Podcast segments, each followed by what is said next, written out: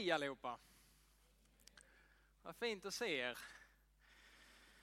Idag så är det visionssöndag har vi kallat den här söndagen. Och för att påminna oss om vad som är vår vision, ja men varför vi finns till helt enkelt. Varför är en väldigt viktig fråga, eh, inte minst för människor idag. Idag så är vi inga sådana liksom föreningsmänniskor som bara är med i en förening bara för att, utan människor idag, vi behöver veta varför. Varför ska jag koka kaffe här på söndagarna? Varför ska jag hjälpa till? Varför ska jag engagera mig? Jag måste veta varför. Och att, att hålla det levande på något sätt i våra hjärtan men också i vår församling, det tror jag är otroligt viktigt. Och därför är detta en väldigt viktig söndag. Då vi får påminna oss om varför vi finns till. Och jag ska läsa ifrån första Johannes brev kapitel 11. Då står det så här. Sedan gick hon hem och kallade på sin syster Maria. Det var Marta som gick hem till sin syster Maria och så står det att hon viskade till Maria. Tycker det är härligt. Hon viskade Mästaren är här och kallar på dig. Hörde ni det? Mästaren är här och kallar på dig. Hon viskade till Maria, Mästaren är här och kallar på dig. Och jag vet inte om alla vet det, men jag är uppväxt i EFS-kyrkan i Ängelholm. Och där i det förra missionshuset i Ängelholm så fanns, stod det på väggen där de orden. Mästaren är här och kallar dig till sig. Som det stod i 1917. Översättning. Mästaren är här och kallar dig till sig. Det står fortfarande i den nya kyrkan lite på väggen där. Men det är så centrala ord just i, i eh, kallelsen och att följa Jesus. Ännu vanligare så känner vi till de orden som Jesus sa när han gick runt och kallade människor. Han sa kom och följ mig. Kom och följ mig. Och människor då, de lämnade liksom allt de gjorde och så började de följa Jesus. Och samma kallelse går ut till dig och mig idag. Jesus han kallar på oss, han lockar oss på något sätt. Han bjuder in oss till gemenskap med honom själv. Han kallar oss till sig. Kallelsen är alltid till honom. Till en levande kärleksrelation med honom i hans ögon, i hans gemenskap, i hans blick så är du någon innan du gör något. Du är värd hans kärlek, hans totala uppmärksamhet bara för att du är du. Inte för vad du presterar. I hans ögon, i hans blick så blir du och jag till. Där kan vi få lära känna oss själva på djupet för under alla lager av våra liv, under alla bilder, bilder som vi kan ha av oss själva, om varandra, djupast nere i grunden av våra liv så är vi genomälskade av honom. Vi är hans. Och han kallar oss liksom in i den relationen, att få tala den, de sanningarna till oss. Och utifrån den relationen så sänder han oss ut i tjänst för honom. Men att söka honom, att bara vara nära honom, det måste komma först. Därefter så får vi också göra saker för honom, med honom, i honom. Jesus han sa, sök först Innan ni söker någonting annat, sök först Guds rike och hans rättfärdighet. Då ska ni få allt annat. Men sök först Guds rike och hans rättfärdighet. Han sa, älska Herren din Gud av hela ditt hjärta, av hela din själ och av hela ditt förstånd. Det är detta, det är liksom din första prioritet. Det är detta som är din och min kallelse. Vad var det du läste Simon? Att vi skulle eh, påminna oss om vår kallelse. Vad var det formulerat? Jag tänkte jag skulle komma tillbaka till detta nu som han sa, men så glömde jag det. Det var inte snyggt. Men att leva i sin kallelse, så stod det någonting. Och kallelsen, ja nu kommer det.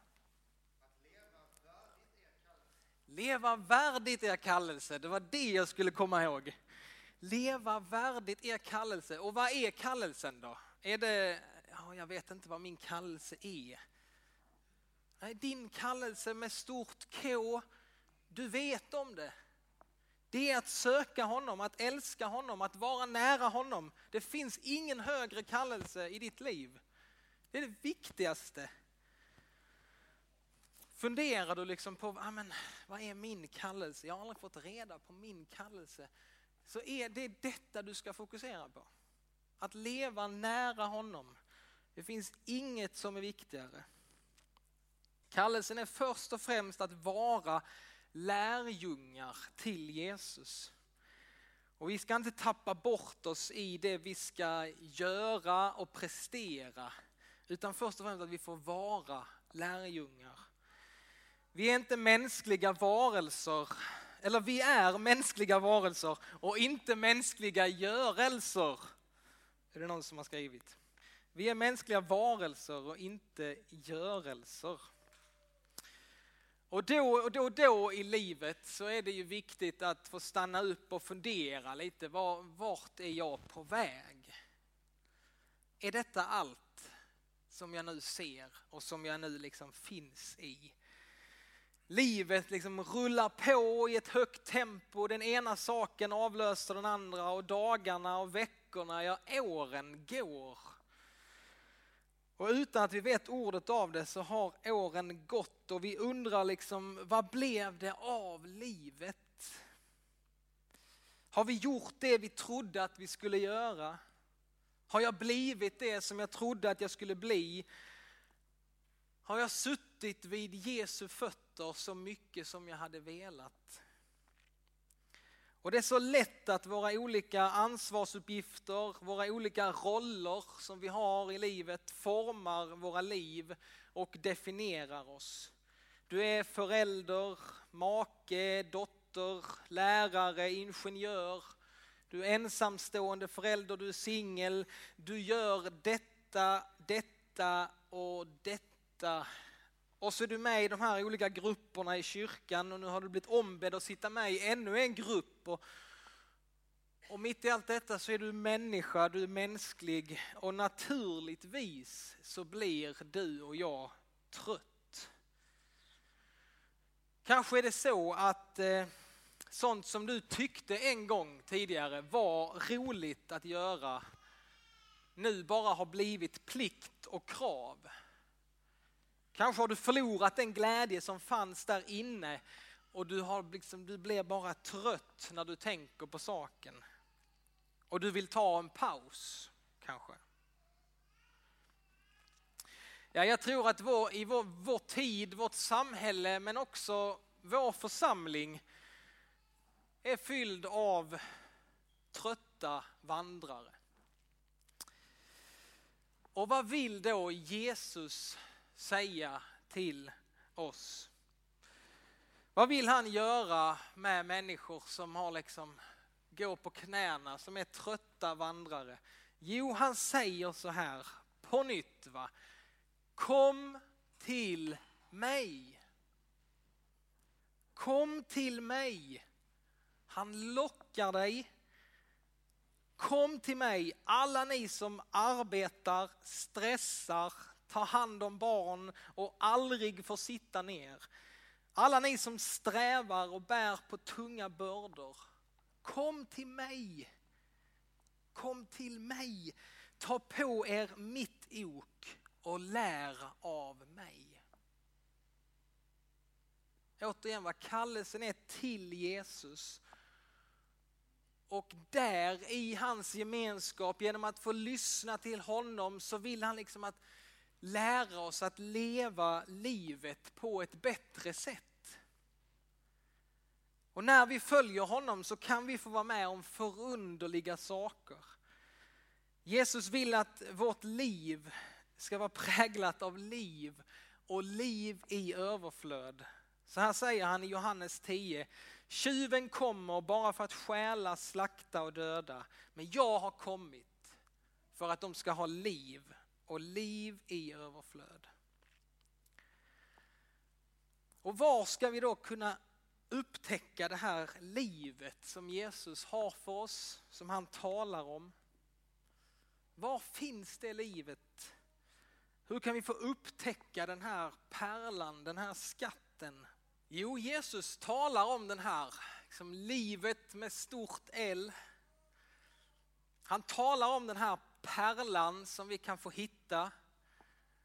Och då säger han att det finns precis där vi är. Där du är just nu. Guds rike finns inte någon annanstans så du måste åka dit för att hämta det, utan det finns där du är. Oftast, det kan, vara, det kan finnas undantag, men oftast så tror jag att det behöver inte ske något uppbrott eller någon radikal förändring av ditt yttre liv. Utan jag tror att den radikala förändringen är oftast ett nytt sätt att se på sitt liv. Ett nytt sätt att se på sin vardag. Se på det som du lever i. På ditt arbete, på din familj, dina vänner.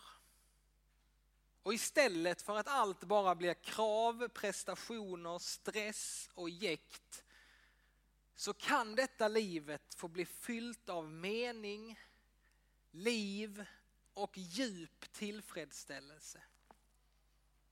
När vi börjar inse att vi är på en plats och i ett sammanhang där Gud vill att vi ska vara.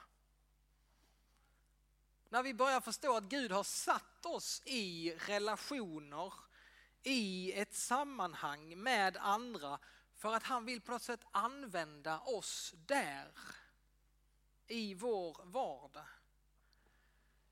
Då tror jag på något sätt att livet kan bli lite mer inspirerande. Du kan få en förvandlad syn på ditt liv. Och jag tror att det är det som Jesus vill göra med oss alla. Han vill göra det med mig, han vill göra det med dig. Han vill förvandla våra liv, han vill forma oss. Och han har börjat men han vill fortsätta. Han vill fortsätta forma oss. Och vi tänker kanske att ja, men han lyckas ju inte någonting med mig. Jag är just där jag var för länge sedan. Nej, jag tror inte det. Du ser kanske inte det. Och det är nog bra att du inte gör det. För då hade du blivit väldigt mallig. Och då hade du kunnat visa, titta här så duktig jag är. Alltså, det ligger på något sätt på ett annat plan. Va? Vi, vår uppgift är att leva nära honom vår uppgift är inte att utvärdera oss själva och berätta hur duktiga eller hur dåliga vi är. Vårt uppgift är att leva nära honom och sen lita på att han förvandlar ditt och mitt liv.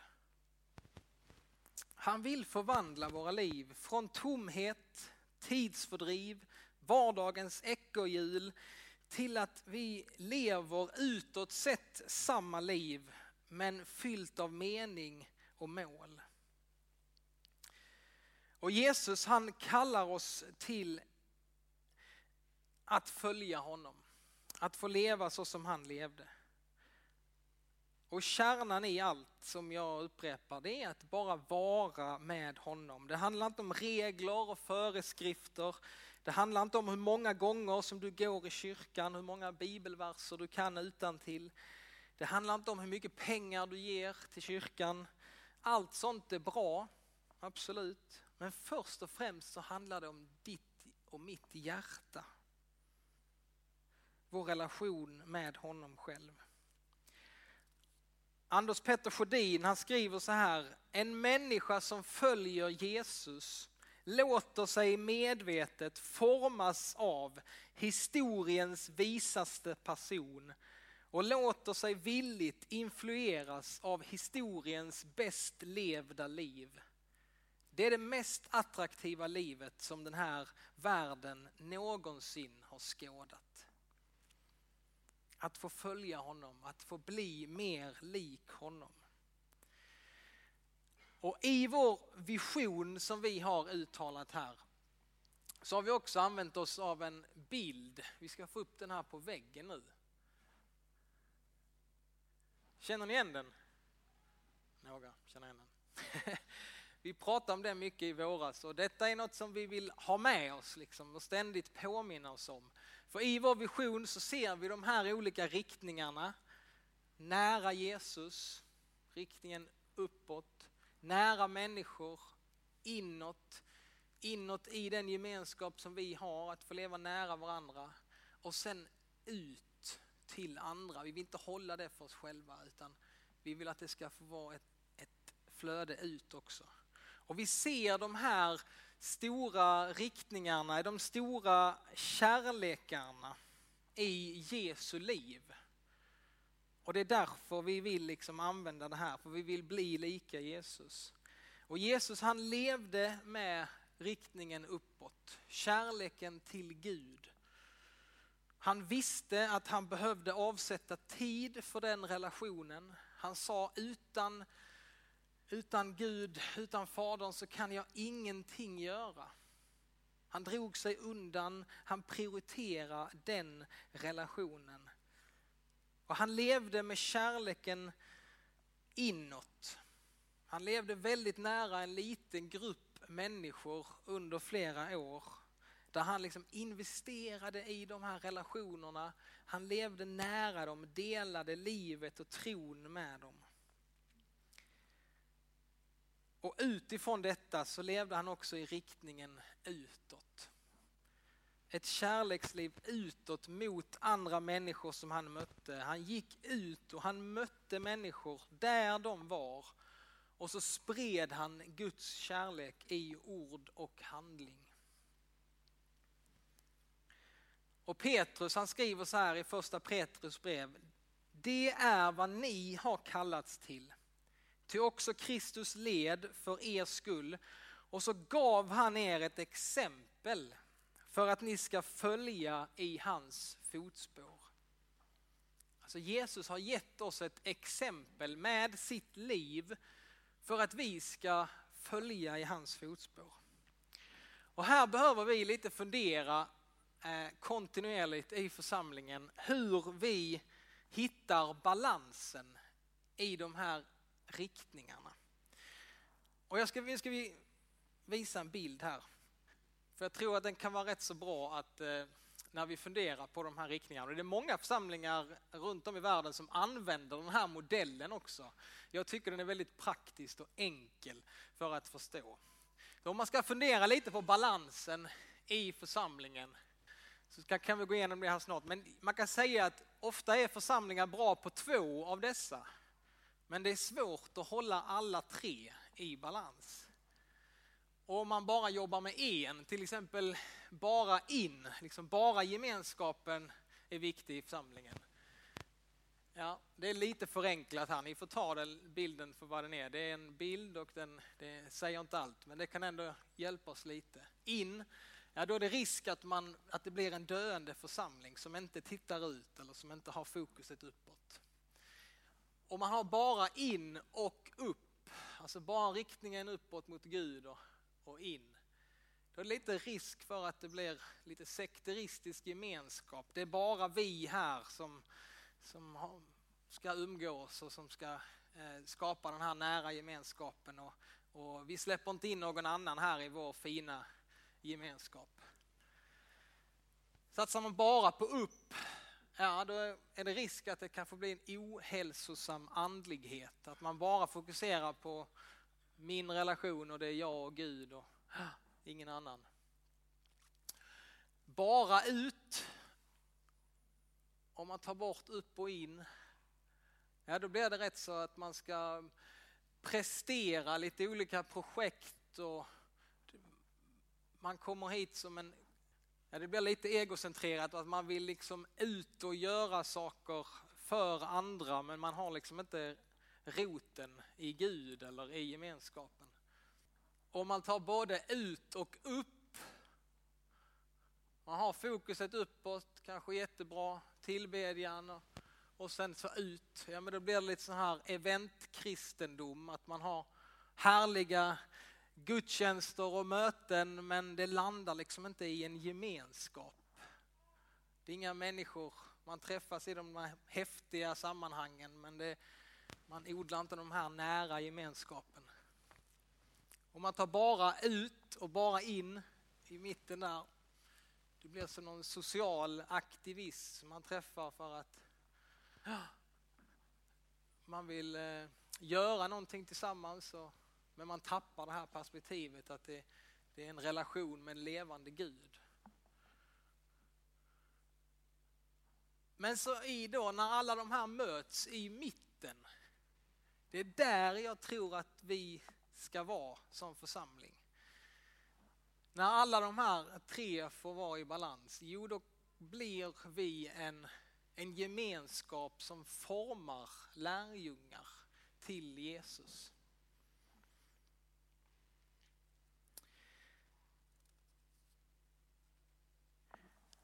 Där vi får försöka lära oss av hans sätt att leva. Ha de här riktningarna, de här kärlekarna i balans. Och att vara en Jesu lärjunge, det liv som han kallar dig och mig till att leva, ja det, det kostar allt. Men det ger oss också allt. Och jag vet inte om du har funderat på det, men alla livsstilar har sitt pris. Det kostar någonting vad du än gör. Och frågan är på något sätt vad vi är villiga att betala. Att inte följa Jesus, det kostar också någonting. Det kommer till slut leda dig, tror jag, in i en vilsenhet, hopplöshet. Att följa någon annan, det kommer också kosta dig någonting. Frågan är vad du är villig att betala och vad som är liksom det viktiga i ditt liv.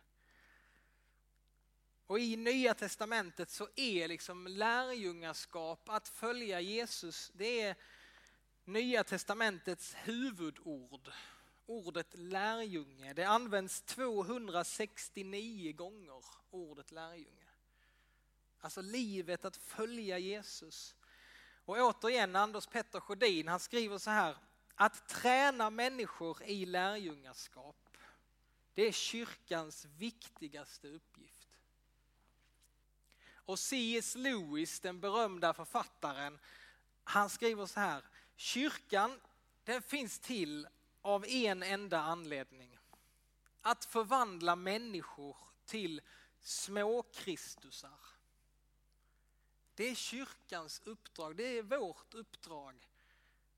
Att få bli mer lika Jesus. Men som mycket annat i livet så är ju lärjungaskap, att följa Jesus helhjärtat, det är ingenting som man liksom plötsligt snubblar in i. Det är inte så att man plötsligt upptäcker att oj nu så, nu blev jag lärjunge här. På samma sätt som att du plötsligt lär dig spela gitarr. Liksom. Oj, nu kan jag spela gitarr här. Det kunde jag inte innan, men nu kan jag det helt plötsligt.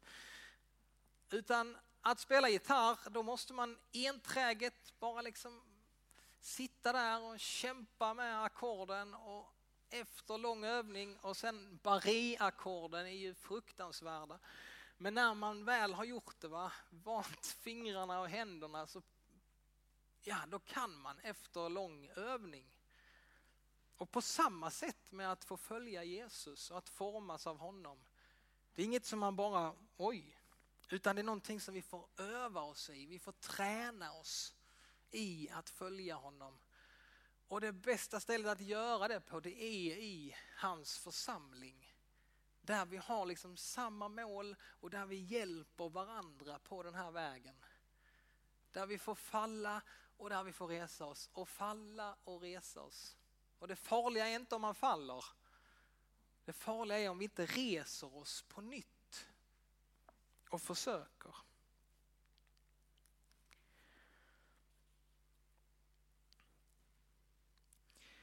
Så med största omsorg och kärlek till er så vill jag nu avsluta.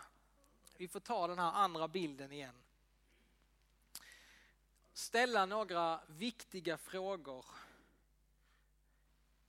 Vi kan fundera på det liksom för vår församling, hur vår balans är där. Det ska vi fortsätta göra. Vi kommer göra det på församlingshelgen som vi har nästa helg. Då kommer vi fortsätta använda den här bilden och visionen. Men så behöver vi också ställa de här frågorna till oss själva. Hur är balansen i ditt och mitt liv? Så när vi tittar på upppilen, nära Jesus, så vill jag fråga dig och mig. Söker jag Gud i bön och i bibelläsning? Avsätter jag tiden för att bara få vara med honom och formas av honom. Och inpilen, nära människor. Har du och jag personer som du lever öppet och ärligt mot? Hur är det med relationerna, dina nära relationer? Har du någon som du verkligen kan öppna dig för och säga som det är? Du ska inte göra det här framme på scenen. Men har du någon som du lever nära? Eller kanske den här terminen att du ska ta tag i den, den riktningen.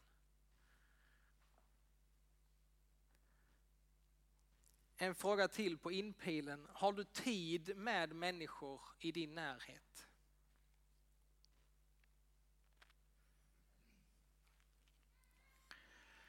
Och sen utpilen mitt i Helsingborg. Så frågar jag dig, vet du vem du är sänd till? Vet du vem du är sänd till? Som Gud har satt liksom i din väg och som du ska få vara ett vittne för.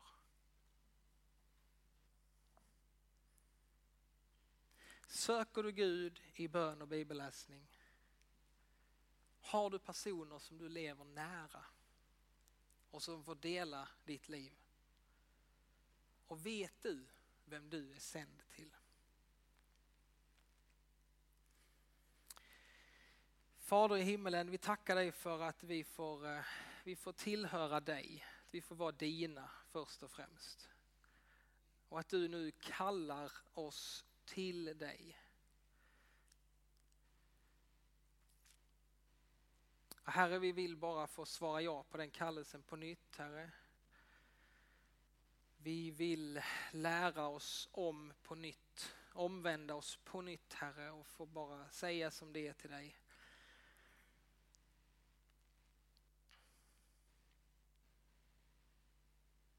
Herre, jag tackar dig för den här församlingen. Jag tackar dig för den gemenskap som vi får uppleva här. Tack att du är här mitt ibland oss och att du eh, formar oss enskilt och du formar oss som gemenskap. Och vi bara ber, fortsätt Herre med det.